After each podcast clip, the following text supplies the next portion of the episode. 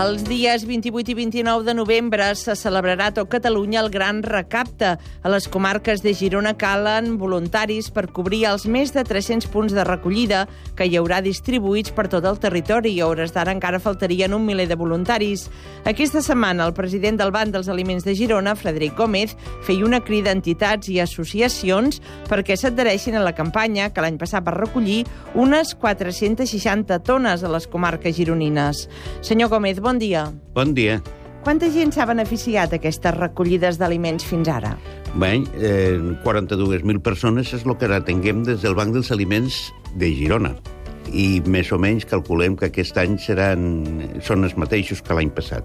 És a dir, per nosaltres no ha augmentat massa el nombre de persones beneficiades. És a dir, 42.000 persones que són atreses a través de 114 entitats benèfiques de tota la província de Girona, que són a les que nosaltres facilitem els aliments.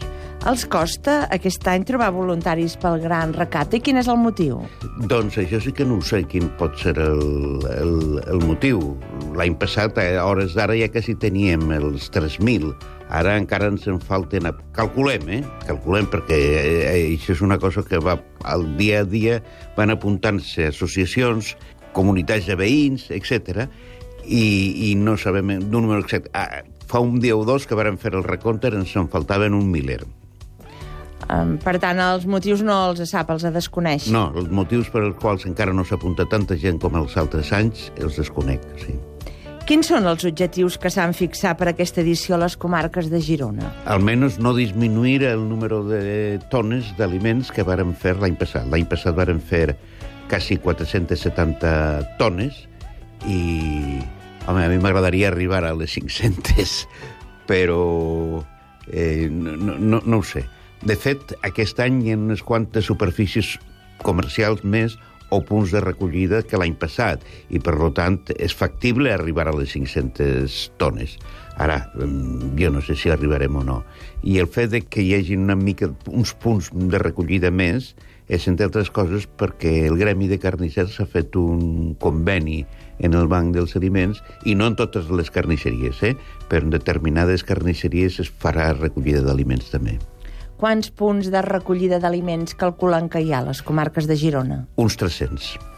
Vostès han demanat aquest any que se substitueixin les donacions d'arròs, pasta i llegums per les de llet, oli, farina, sucre o conserves de peix. Per què aquest canvi? És el que faltava més? Sí, sí, per dos motius.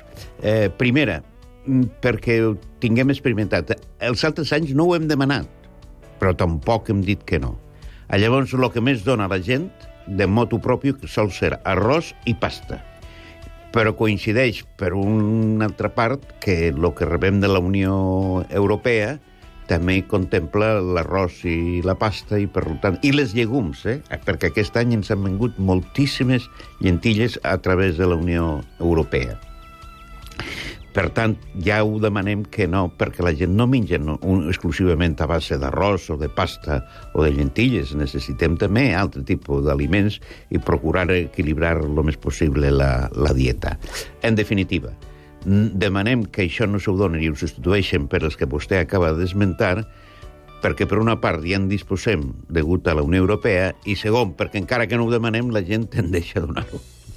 Abans ha parlat de la gent que s'ha pogut beneficiar per als aliments que els grans recaptes o des del banc dels aliments els hi donen. Vostès preveuen que augmenti el nombre de gent que al llarg d'aquest any encara els hi vagi demanant suport per menjar? Doncs això jo no puc assegurar, eh? perquè l'any passat no anàvem augmentant, augmentant, cada any augmentàvem una mica. Però, en canvi, d'aquest any en relació a l'anterior, la cosa s'ha eh, eh, quedat igual i llavors no, no, jo no sabria dir exactament per què, i no sabria dir per què perquè com els bancs dels aliments no donem els aliments directament a les persones necessitades, sinó que donem a eh, les entitats benèfiques. I el nombre de persones que tenen cada entitat benèfica, que és el que ens donen nosaltres a principi d'any, eh, sumant de totes les entitats benèfiques han estat els mateixos que l'any passat.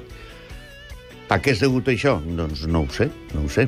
Jo calculo, eh, és, però és una estimació que faig, de que si bé hi ha gent d'aquí del país, perquè això sí que ens ho diuen les entitats benèfiques, que cada vegada n'hi ha gent més del país que demanda aquests eh, aliments, però en canvi gent, eh, immigrants, potser resulta que poden haver immigrants que estiguin tornant als seus països.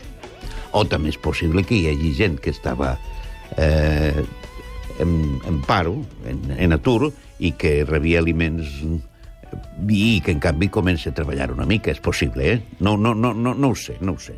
El Gran Recapte Girona es farà els dies 28 i 29. Quines activitats estan confirmades ja per recollir aquests aliments? Previ al començament del Gran Recapte tinguem dues activitats. Una és el 24 de novembre al vespre, que el sopar que es fa en el vol gastronòmic, eh, que cuinarà el Joan Roca, ell ha volgut que la recaptació que es faci aquell dia vagi destinada al Banc de, dels Aliments a compte del gran recapte.